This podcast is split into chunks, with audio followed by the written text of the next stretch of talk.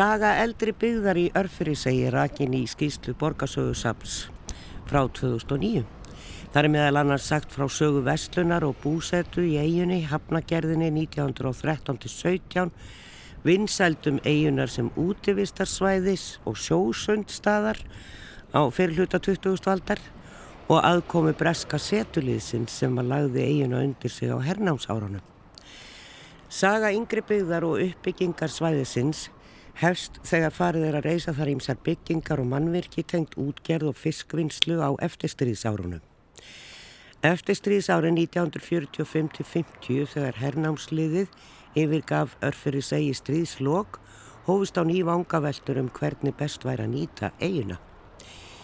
Eigin hafi löngum verið vinsæl til útivistar en það þótti fallið þar úti á sumarkvöldum, bæði í eiginu sjálfri og ekki síður útsýnið að hann. En hernámsliðið sem hafi gilt eiguna af með gattafýrskýrðingum og lokað henni fyrir almenningi skildi eftir símislegt rasl. Hálf hrunin byrgi og grunna undan hermanaskálum sem gerðu staðinn síður aðlagandi til útivistar. Ímsir tjáðu sig um málið í blöðunum til dæmis myndu bæði víkvergi morgumblaðsins og bæjapóstur þjóðviljans reglulega á nöðsin þess að hreinsa til í eiginni og gera hann aftur að ókjósanlegum útvistastað. Eigin ætti að vera og getur verið einna fegustu stöðum bæjarins og ef hún væri fegruð veit ég að margur reikvikingurinn myndi eiga þar ánægi stundir á sömarkvöldum eða sunnutugum þegar gott er veður. Hins vegar er það ófögur mynd af bænum sem að ferðalangar fá er þeir sigla inn til Reykjavíkur á meðan eigin er í þeirri niðuníslu sem hún er nú.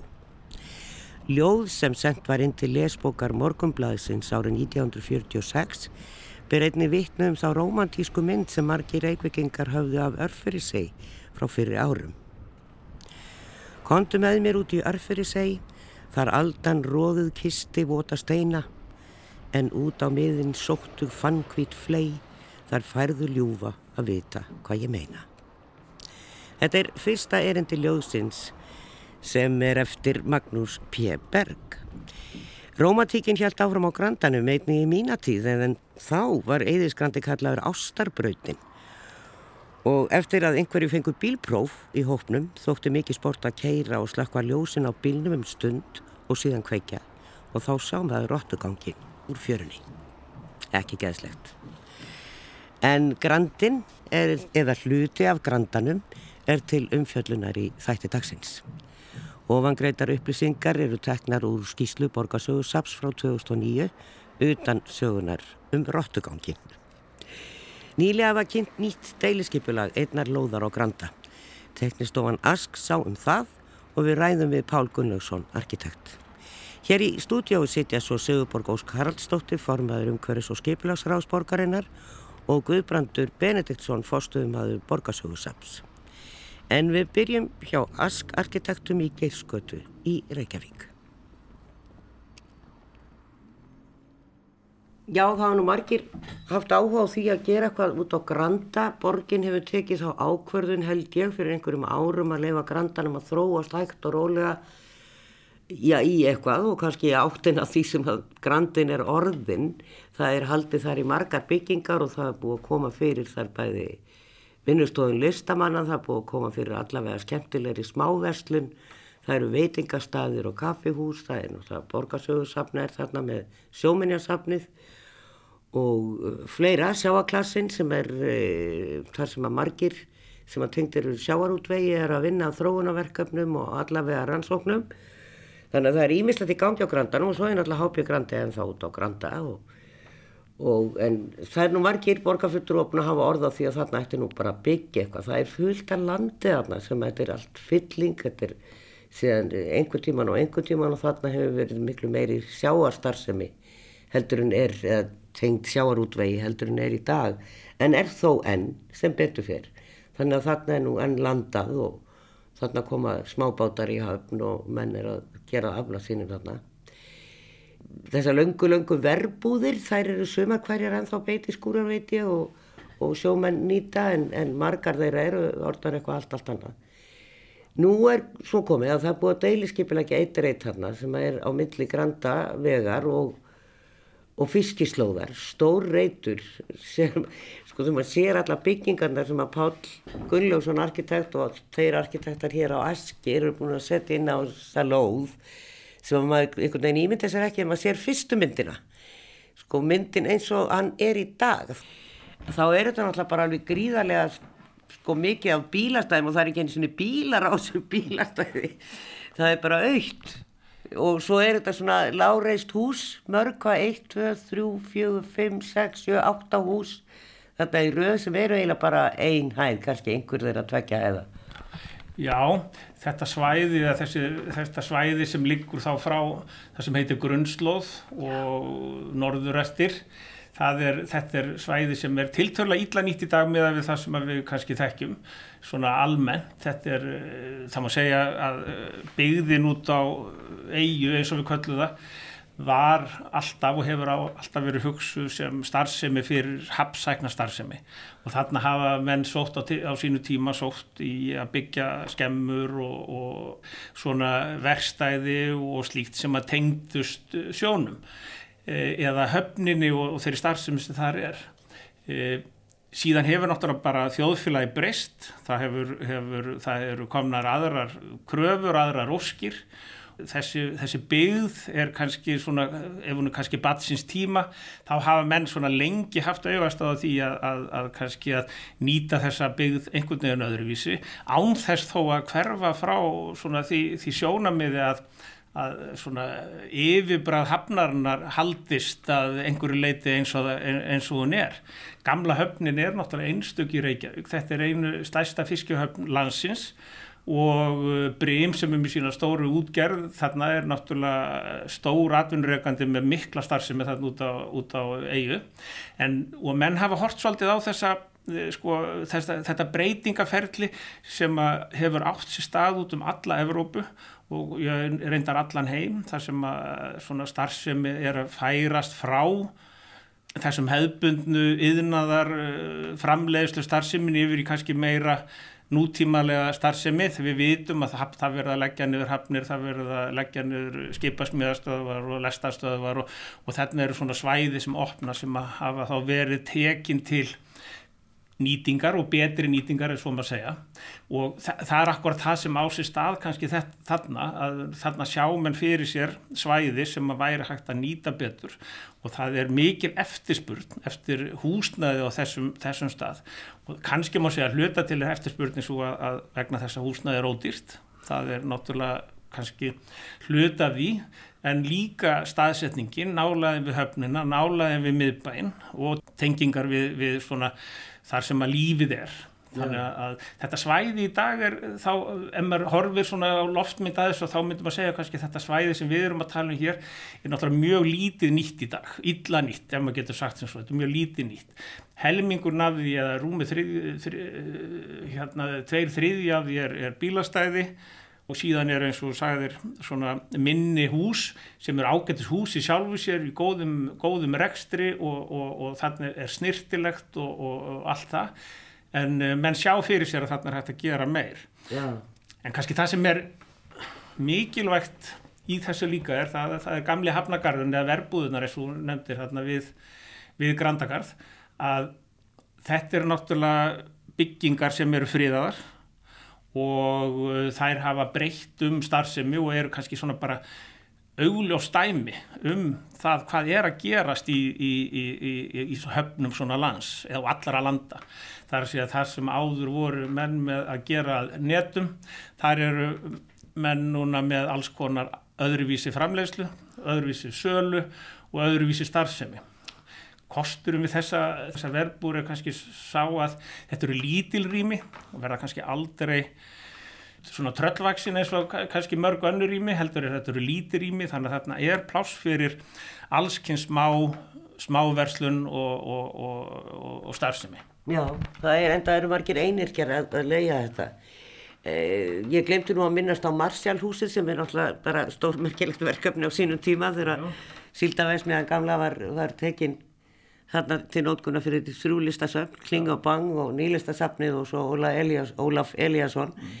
og, og, og fínan veitingastað og annað þetta niður og þetta, ég veit ekki betur en þetta sé allt alveg ágætlega sótt. En, en, en þú gleymir kannski þá að þegar hún nefnir Marsjálfhúsi, það er alveg rétt, það, það, það er að myndast þarna svona seglar, getur við sagt þarna úti á eigu og það er Marsjálfhúsi sko, stór þáttur í því að þarna að fólk er að leita þarna og svo má ekki gleyma þúfunni sem er líka verða gríðarlega svona, hún er náttúrulega mjög mögnuð í myndhafnarinnar og hún er mjög mikið sótt og mjög gaman að fara út á þúfu sem þýðir það raunverulega að við erum að búa til uh, áfangastæði sem er dátur langt út á eigu og það er dátur mikilvægt að það sé ekki svona skallablettur í á leiðinni, það sé eitthvað svona gerast alla leið til þess að gera ferðina líka áhugaverða. Já.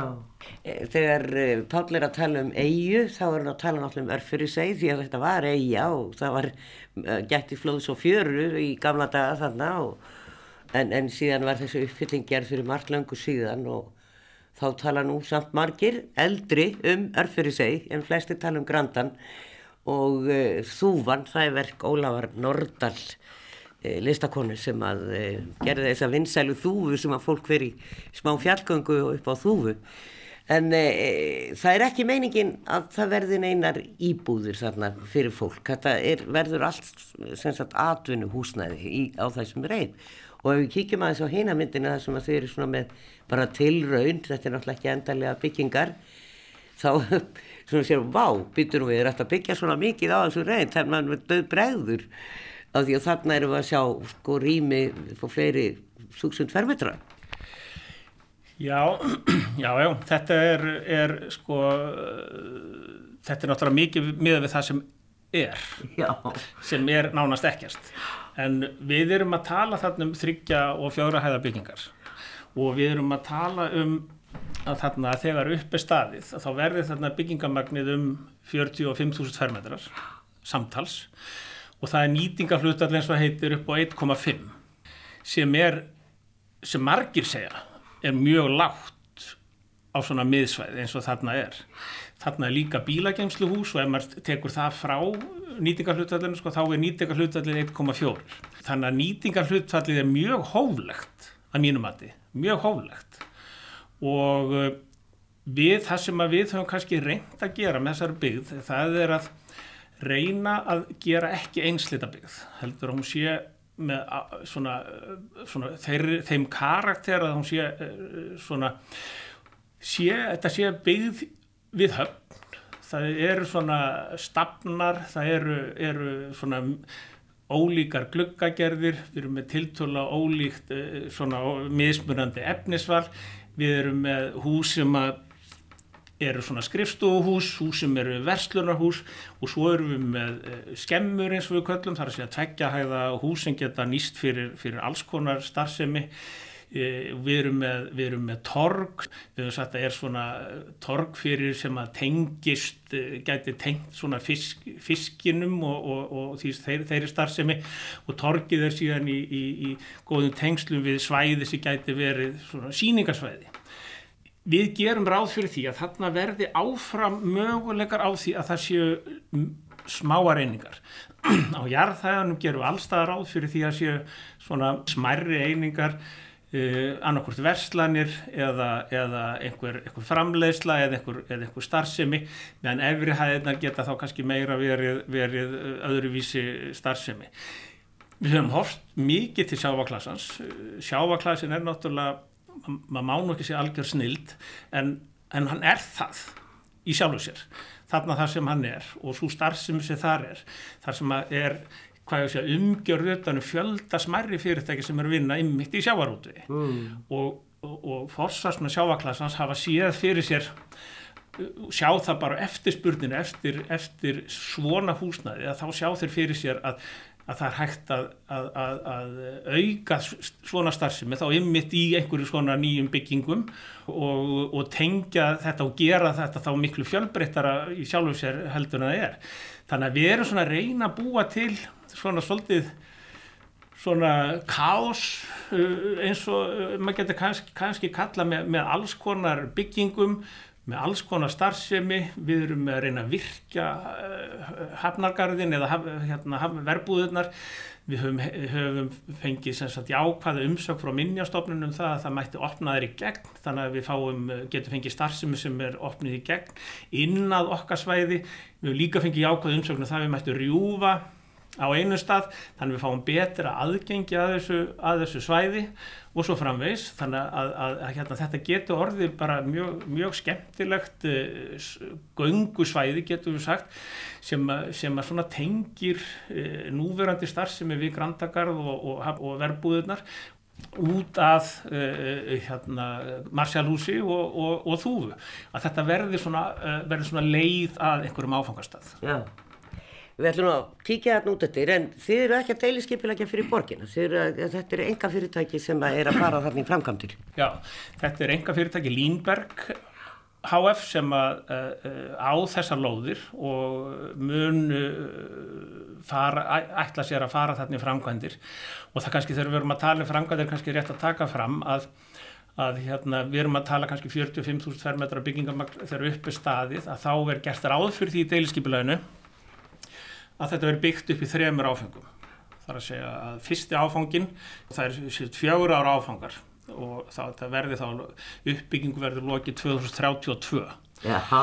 Þannig að við erum að tala um daldi svona langt perspektíf í, í, í þessu og, og auðvitað gerist margt á, á, á svona tíma, á þessum tíma eins og við vitum fyrir 12 árum, við munum hvað var fyrir 12 árum, það, það, sko, en það, það er margt sem gerist Og, og þannig að það er sem sagt fyrir áallanum gang út á það sem að byggja kannski fyrstu fyrir, svona hvað er ég að segja þetta er svona kannski 8000 fermetrar sem eru byggðir í fyrsta áfanga. Og það eru fjögur, það eru sem sagt gert ráð fyrir því á næstu fjórum árum.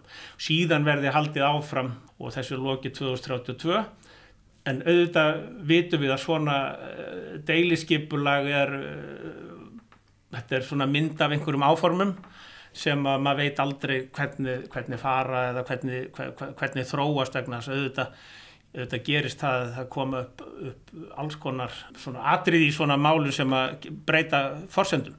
En forsendunar eru þessar, þetta sé byggt upp á 12 árum og, og, og fyrst áfangin eh, sé byggður á næstu fjórum árum.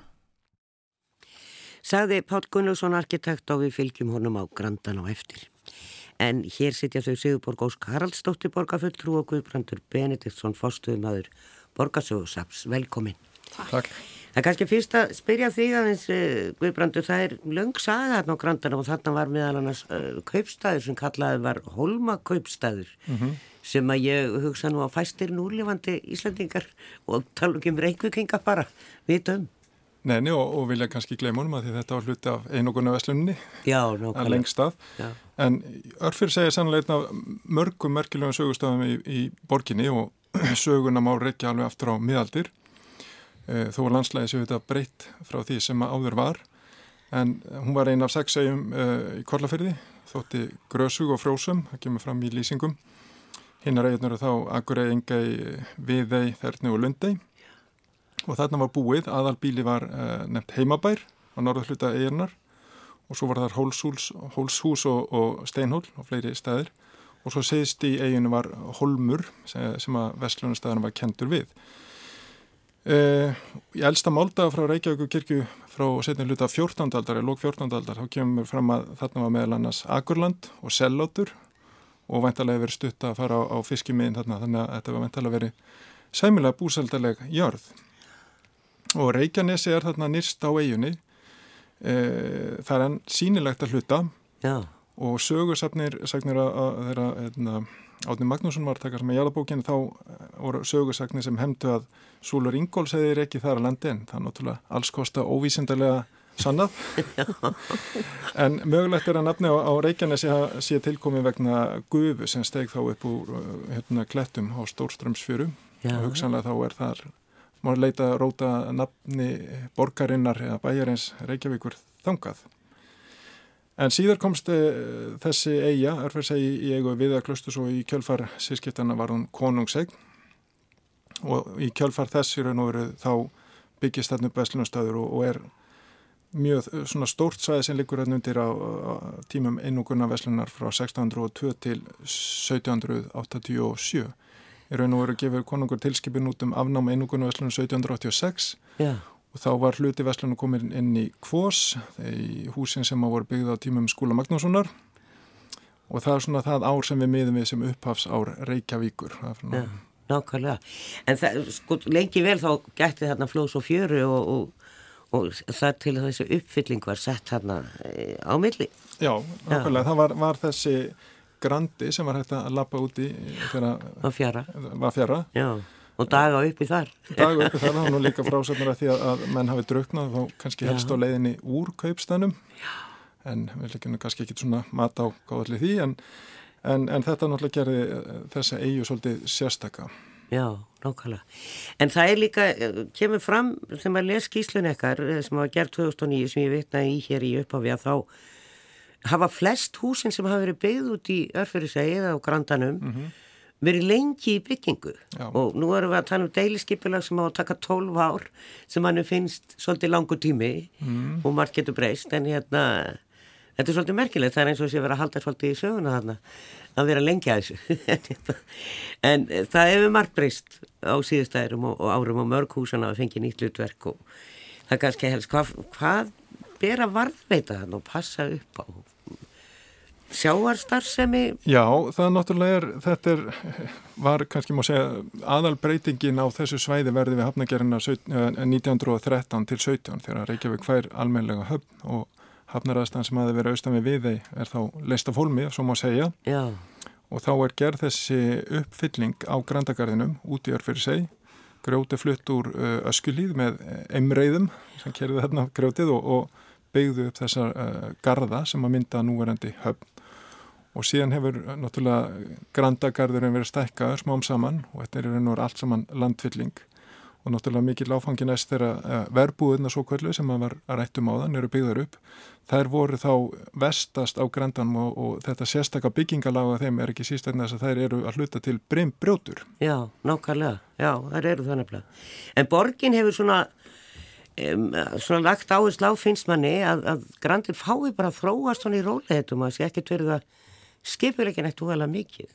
Já, það er alveg þannig sko. Við viljum einmitt halda í, halda í söguna og halda í þessa fiskihöfn Eh, höfnin er að sjálfsög grunnforsenda fyrir bara tilvist borgarinnar og það er þannig í dag að það er svona, örfyrir segi er svolítið suðupottur þar sem að er fjölbreytti atvinnilíf og á suðupottunum er lók og þetta lók er það að það er banna að hafa íbópið og það er banna að hafa hótel í segi.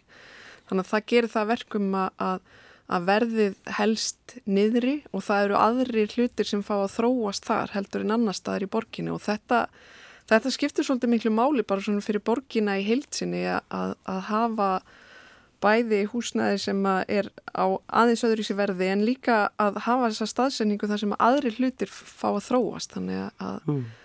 að örfyrir segi held ég muni alltaf hafa svolítið svona sérstæðu innan borgarinnar. Ég tala nú um meðan að útgerðin er þarna en þá. En eh, það var náttúrulega verið margar útgerðir þarna. Þarna var Síldavesmiða sem var síðan orðin listasafn í dag og, og síðan er það gamla bæjarútgerðin sem er núna, má kannski segja, listsköpin í sjálfuð sér. Þeir eru að gera tölvuleiki þar, CCP. En þeir eru að fara að fara af þessu svæðu einu á háskólaróðina í, í splungunni túsnaði. Já, grósku. Já, og hérna hvað, hefur fólk eitthvað rætt um hvað verður um húsnaði þeirra? Það, hús, húsnæði heldur sér, já, já, já, og húsnæði heldur sér og, og það safni verður þarna áfram og, og við sjáum bara til hvað starfsemi passar þar inn. Það er svo sem ekkit eitthvað beinlinn í sér okkar höndunum. Borgin hefur meira verið að þróa svæðin þarna í kring.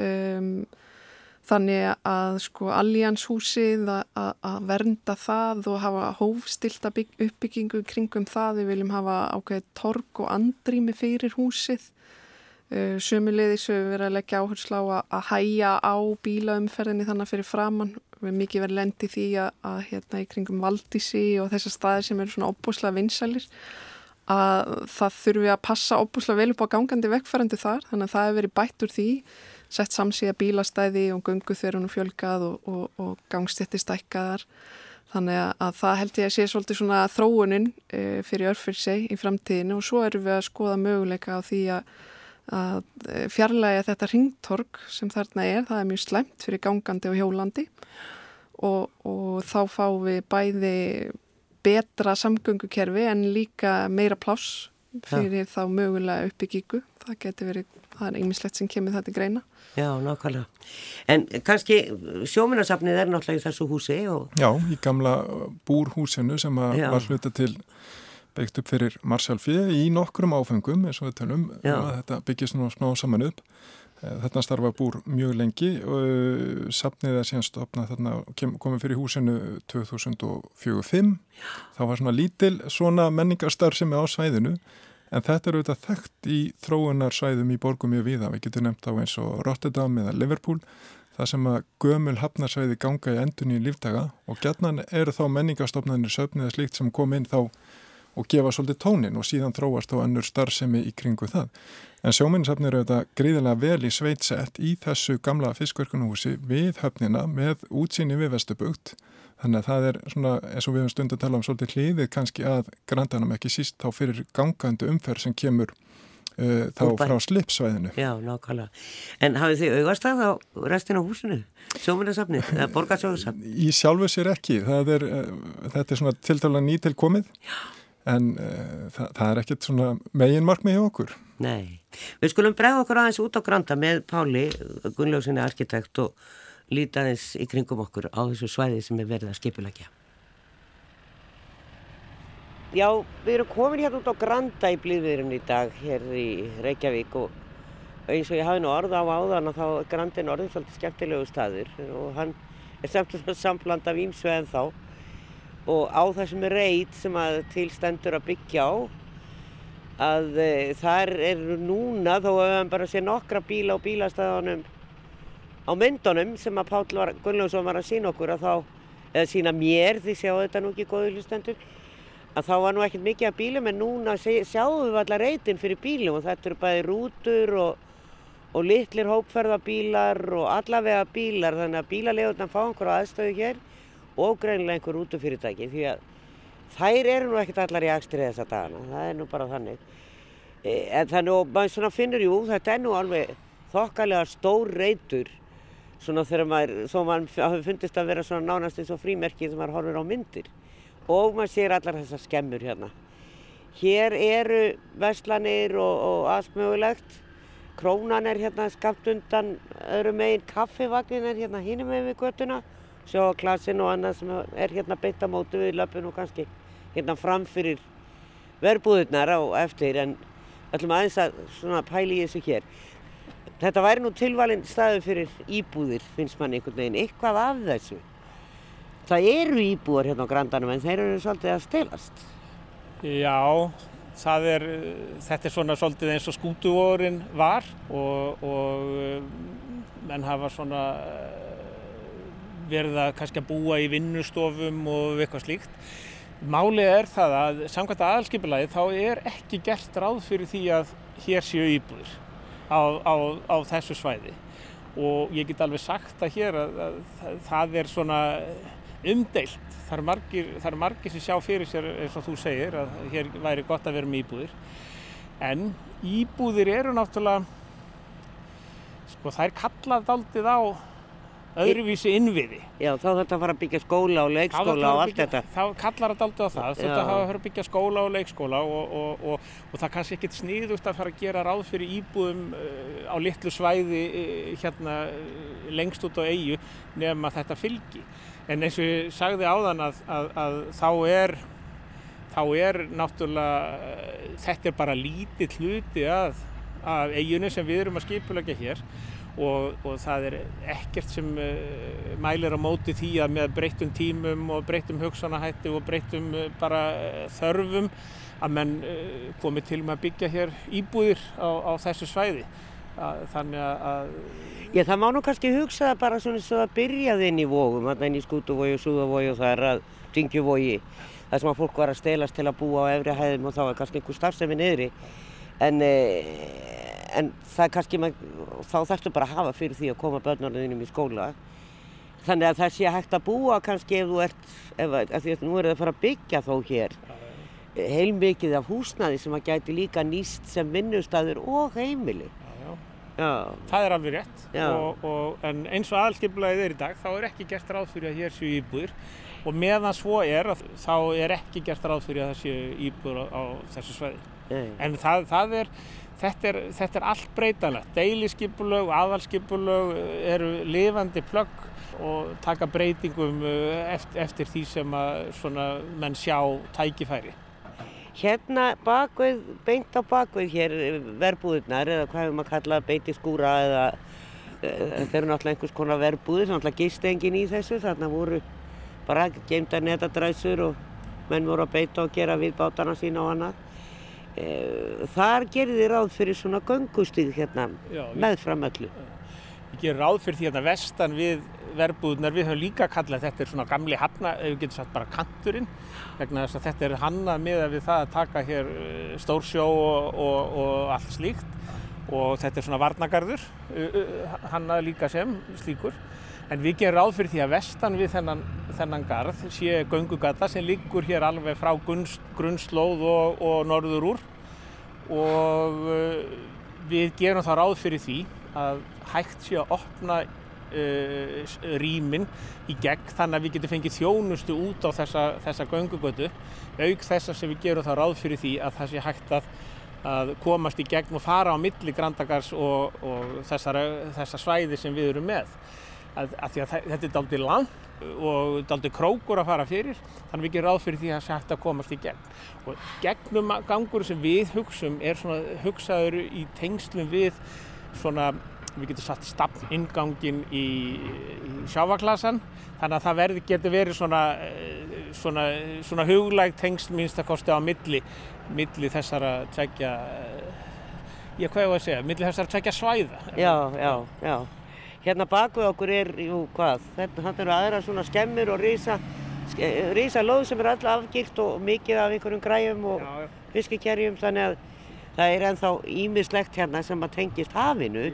Það, það er mjög margt sem tengist já, hafinu já. og eins og ég nefndi á þann að hérna Brím er náttúrulega bara stærsta sjávarúturs fyrirtæki landsins og er hér með sínar sínar höfustöðvar og, og, og, og gríðala mikla, mikla starfsemi. Þannig að það er mjög margt hér sem að tengist sjávarútögnum en þá við vonum að, að það verði bara sem lengst. Heitir þetta ekki lengur Hápja Grandi? Nú heitir þetta Brím. Nú er þetta Guðmundur í Brími sem á þetta og þá tók hann nafni með sér. Já, það var skipt um nafn eh, skömmefstra Guðmundur eh, egnar sín, sín hlut í félaginu og þannig að, þannig að nú heitir þetta Brím. Já, það er sko einhvern veginn upplifin að vera hér, svona koma af þessu svæði sem er bara, eru bara bílar og, og bílar og bílar og ekkert að sjá. Og svo þegar maður gengur hérna framfyrir þá sjáum við náttúrulega beint út á höfnina og bara indislegt í sólinni. Kaffevagninn, og hér er gamla slísavarnarfélagshúsi, ég veit nú ekkert hvað er í því í dag. Ég held að hér, að vera, hér á að vera svona skrifstofu aðstæða fyrir uh, bara alls konar, nýsköpun og, og, og sprótafyrirtæki, þarna er gert ráð fyrir svona uh, hérna, starfsemi. Já, já. Og svo sjáum við sjáaklasan hérna aðeins norðar og, og við erum, erum mjög stolt að sjáaklasanum. Þetta er já. frábær starfsemi. Já, það er vel til fundið og bara mjög marg merkileg fyrirtæki þar að störfum og að gera ímislegt sem maður vissi ekki um fyrir maður fór að spyrjast fyrir. Já. Nú hjá, sjáum hér á Marcel húsi á gablin á því. Þú að sjáum við nú ekki hérðan en... Sjáum við ekki, hún er bara hérna, hérna beint fyrir norðan og svo er gert ráð fyrir því að hérna að, að framhliðin, ef við getum satt austurhliðin á, á, á hérna verbúðunum verði verður náttúrulega gert svona fallegt eins og er búið að gera hérna sunna við okkur. Já. þannig að hér verði spennandi leið. Og, og þannig að þetta er, þetta er allt í, í, í, í breytingum. Já, e, það er svolítið verið gaman að horfa á það samt hér verðbúðuna því að hér eru þó dynnar og gluggar fyrir ofan og hinnum megin er þetta bara Lokað. döður flötur algjörlega. Já. og bara svona eins og múr, bara múr, reynilega Þannig að þetta áttur að taka miklu breytingum. Þú segir að þetta, eru, þetta er rosalega langur tími, alveg ekstra langur tími, 12 ár, að klára reytin. Er það ekki svona á miða við allt og allt? Jú, það kannski, má kannski segja það að það sé, sé langur tími en, en, en að móti kemur að svona kannski góðir hluti gerast hægt. Þú veist, ég held þetta sé líka að þetta er svona þróunarverkefni að sömu leiti. Eh, við erum ekki með kúnana inni, nú við erum ennþá ekki með á ákveðana þó að það sé mikil eftirspurn og mikil áhugi á þessu svæði þá erum við ekki að byggja utanum einhverja sem eh, endilega eru til staða núna. Nei. Þannig að við þurfum bara að leifa þessu svona aðeins að, að þróast og, og, og þroskast held ég. Svo ef það kemur eitthvað rosa, eh, dettur eitthvað inn sem er alveg, alveg allir eh, klappa fyrir, Þa, þá veit maður ekkert hvort að þessi, þessar, þessi áfann breytist.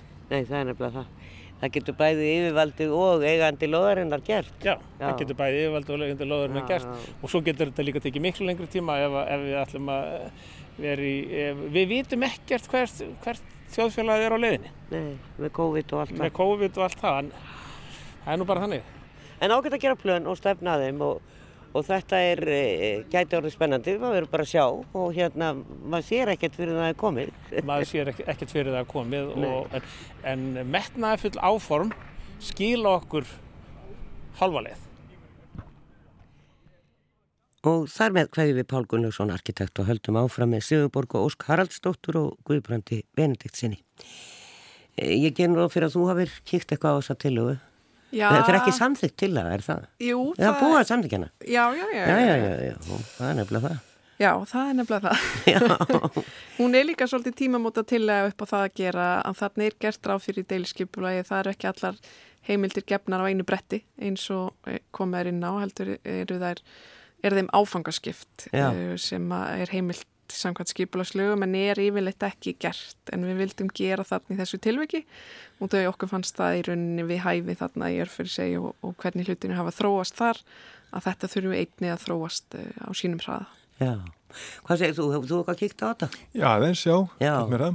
Já, svona nágranni. Já, já. Það er þeirra að pæla. Já, já, mér líst bara vel á þetta. Já, já. En eh, hann talar um að það sé mikil eftirspurnu eftir húsnæða á þessum stað. Er það svo, finnir þið fyrir því hjá borginn því þið eigin náttúrulega eitthvað þessum húsum?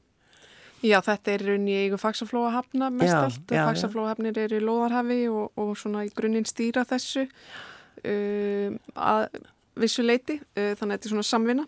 En já, það er eftirspurn, uh, en hún er svona, hún er svolítið fjölbreytt því að við þurfum að, að gera eins og sjáaklassin hefur að gera að vera með aðstæður fyrir mjög litla aðila.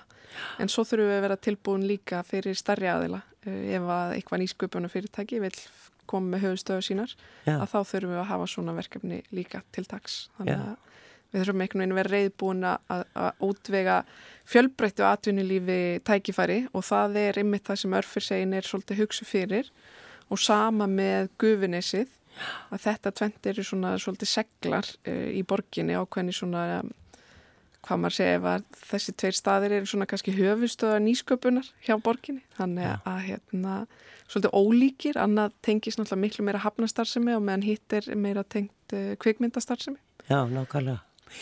Og er spennand að gerast þar líka. Það er ekki að segja annað en e, borgin ætla síðan að byggja eh, alla gerskötuna alveg út á granda Er, ekki planað skipulag frá Marina hóteli og alveg allar hingin og niður úr og maður svona fyrir að hugsa býta að sjáa sínin alveg að tapast? Og þá geitskatan sem sagt baku borgarbókasafni og þar sem sagt nærhafninni, gamlehafninni Já, sjáarsýnin tapast náttúrulega ekki en hún bara færist úr stað. Það er nú bara eðlert þegar að borgir þróast og, og byggð breytist. Þannig að gerðskatan verður meiri gata. Eh, það sem að húsin standa upp við hann að begja vegna, svona mest allar leið, það er nú ekkert eh, skipulagt en þá að miðbakka. En eh, sjáar sínin verður að sjálfsög alltaf til staðar og það er þessi góða leið sem að er í rauninni frá gerskötunni og, og, og þar sem að, hérna, hvað heita nú eftir hinn bláu húsin, þar sem að kopar er og þessi veitingastadir Þannig að verbúðunar Verbúðunar já, þar, já, já, og svo í raun að veru kemur þá einmitt að uh, eh, sjóminnisafnunu sem mm -hmm. er mhm. svona í svo ákveð hlýð þannig að öll þessi leið hún hefur þá útsýnið Já, það er þá meiningin að það verði svona göngulegði alveg bara kannski frá hörpu og alveg að það gangað við sjóin. Alla leið og mm -hmm. tryggt aðgengi almennings alla leið. Mm. Hvernig líst þér á það? Það líst mér gríðilega vel á. fallið sveiði og, og svo auðvitað náttúrulega þessar uh, hugmyndir hérna við Mýragötu og, og slíkt verður þá byggt á það sem er núna í raun og veru óbyggt land og bílastæði, óskipilega reyndar. Við hins vegar náttúrulega sem að störum í, tengslu með minnivæsluna og, og hérna svona tölum fyrir þann málaflokk, við erum ægilega hrifin af slipnum, slipsvæðinu og telum að, að þennan það sé svolítið e, valjú eða gildi í því að varveita það. Mér skilst reyndar að þetta sé alltaf erfiður ekstur og verður það í fremtíðin þegar þarf að endur nýja e, hluta búnaðar þar. Það er en, meiningin að slipur um flyti, það er búið standa til í mörg mörg. Já, það verður það sko, en, en þetta er náttúrulega eitt af svona segja, einkennum sveið, sveiðisins og þarna voru náttúrulega uh, gríðarlega mikil uh, bátasmíð á sínum tíma uh, alveg frá er einu króknum hann en í Vestubugt þar sem sjómennisafn er og svo bara áfram í áttina miðbakanum. Jú, það var náttúrulega annars slipur og Daniel slipur, hann er löngu horfin. Hann er horfin. Já, en við verðum að tala eins um íbúðar húsnaði Sigurborg því að sko and, andstöðu flokkar borgarstjórnar hafa nú talað mikið um að byggja þarna íbúðarhúsnaði Já. en ykkur hefur ekki þótt það físilegt en hérna og ég skil það kannski að vissu leiti að það þarf að fara að skipilegja skóla og leikskóla og alla innviði sem þarf þrjúð komið stóra íbúðabygg en er ekki hægt að leifa þetta takmarkaða búsetu svona svipa eins og gerðist inn í vógum að listamenn eða fólk sem hefur svona lítil verstaði að það getur búið búið í, sagt, í sama húsnaði og bara farið niður að vinna eða upp Já, það hljóma nú voða sérmerandi svona að segja það, en hérna það í rauninni kannski gengur ekki upp enn sem komið er í örfyrseg. Uh, við þurfum að huga að því að, að það er ekki bara þessi skólar og leikskólar heldur líka, það er bara allt annað varðandi sorphyrðu og, og vetraþjónustu og ímislegt fleira sem er skilda sveitafélag að sinna uh, til íbúa. Þannig að það, þetta þarf að skoða svona í stóru samhengi og, og það er einmitt það sem við erum svolítið að leggja línuna með þannig að eins og vogabegðin sem er svolítið skemmtilegt dæmið þar sem að, að voru svona ákveðni frumbyggjar sem komið þannig inn í svona meira yðnarsvæði og, og, og hérna byggu til alveg magnaðar íbúðir og, og síndu fram á möguleikan og síðan í raunin eru hérna komnar það margar íbúðir og hérna við sjáum að, að hérna, við munum tengja þetta svæði við borgarlínu að það er alveg borðleggjandi að endurskipuleggja vogabegð og breyta svæðinu þannig að það verði þá eh, mögulegst atvinnistar sem á jarðhæð og, og miklu miklu meira af íbúðum og það felur í sér risa stór verkefni og, og fjárfestingar upp á marga milljarða uh, í tengslum við götur, torg, skóla, leikskóla, hjólastíka og svo borgarlínu. Þannig að það er alveg risa stór pakki þannig að þessana viljum við halda örfyrir eins og hún er í, byli, það getur vel verið einhver tíman munið það breytast en, en, en eins og staðan er í dag að þá er dýrmættara fyrir okkur að, að hafa þetta sem svona grósku mikið og skemmtilegt uh, atvinnisvæði mm. heldur en að, að opna og möguleika ná íbúabegð. Hvað gerist þá að fólk sæst að í vinnustofunni sinni? Hva? Já, það gerist nú kannski ekki mikið sko, það er, er, hérna, það er svolítið fólki sjálfvald sett, um, það er þá bara erfitt, þú held ég fáir ekki skráð lögheimili og ég mislega þannig sko.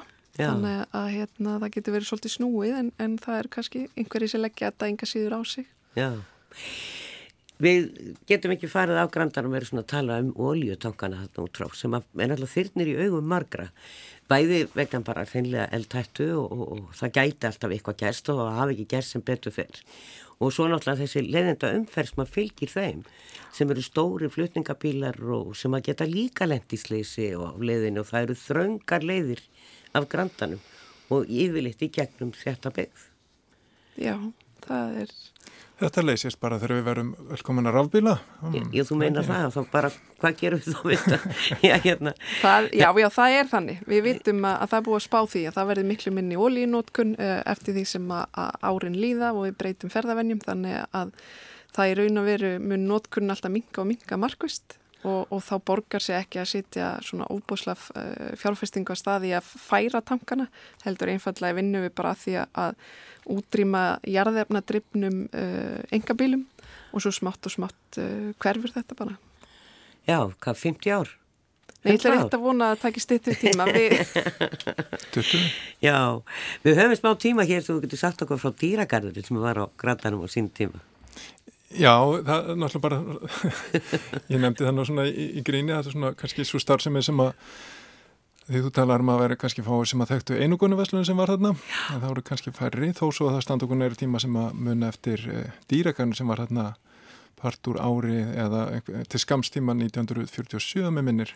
Já. apar e, í búrum og, og, og hérna og fleiri dýr og svo til, stóð til að fá íspyrni Já Ég, ég veit nú ekki hversu aðlagandi þetta var en ég vona að þetta verði nú ekki á, inn á skipulagi á borginni að það búið til dýrikar hann Nei, nei.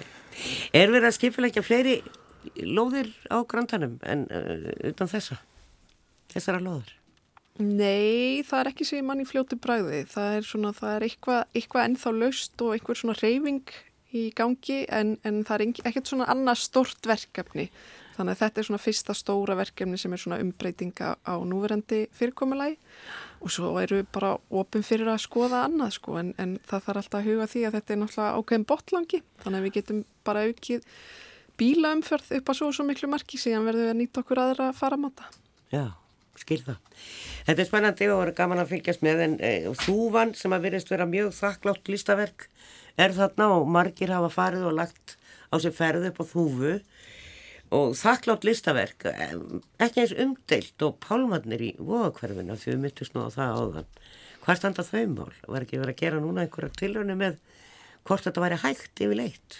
Jú, það er verið að skoða það það er verið að skoða möguleikin á því hvernig er hægt er að útferða það og, og hver kostnæðurum verður en það er líka list og, og ég held að þegar að framlega stundir og við áttum okkur á að hvernig þetta virkar í umhvernu og hvað áhrif listin hefur á okkur þegar við upplifum hana og stöndum við hliðin á henni, þá er það svolítið önnur umræð en að, en að ræða ljósmyndir á bladi Já, og brúður með peninga eins og var nú aðalega að tala um held ég. Já. en þetta kostar allt saman peninga. Ég, Sigurborg Ósk Haraldsdóttir formadur umhverfis og skipilagsræðs og Guðbrandur Bendistsson fórstuðum að borgarsvögsamt Takk okkur fyrir. Takk, sömulegis Takk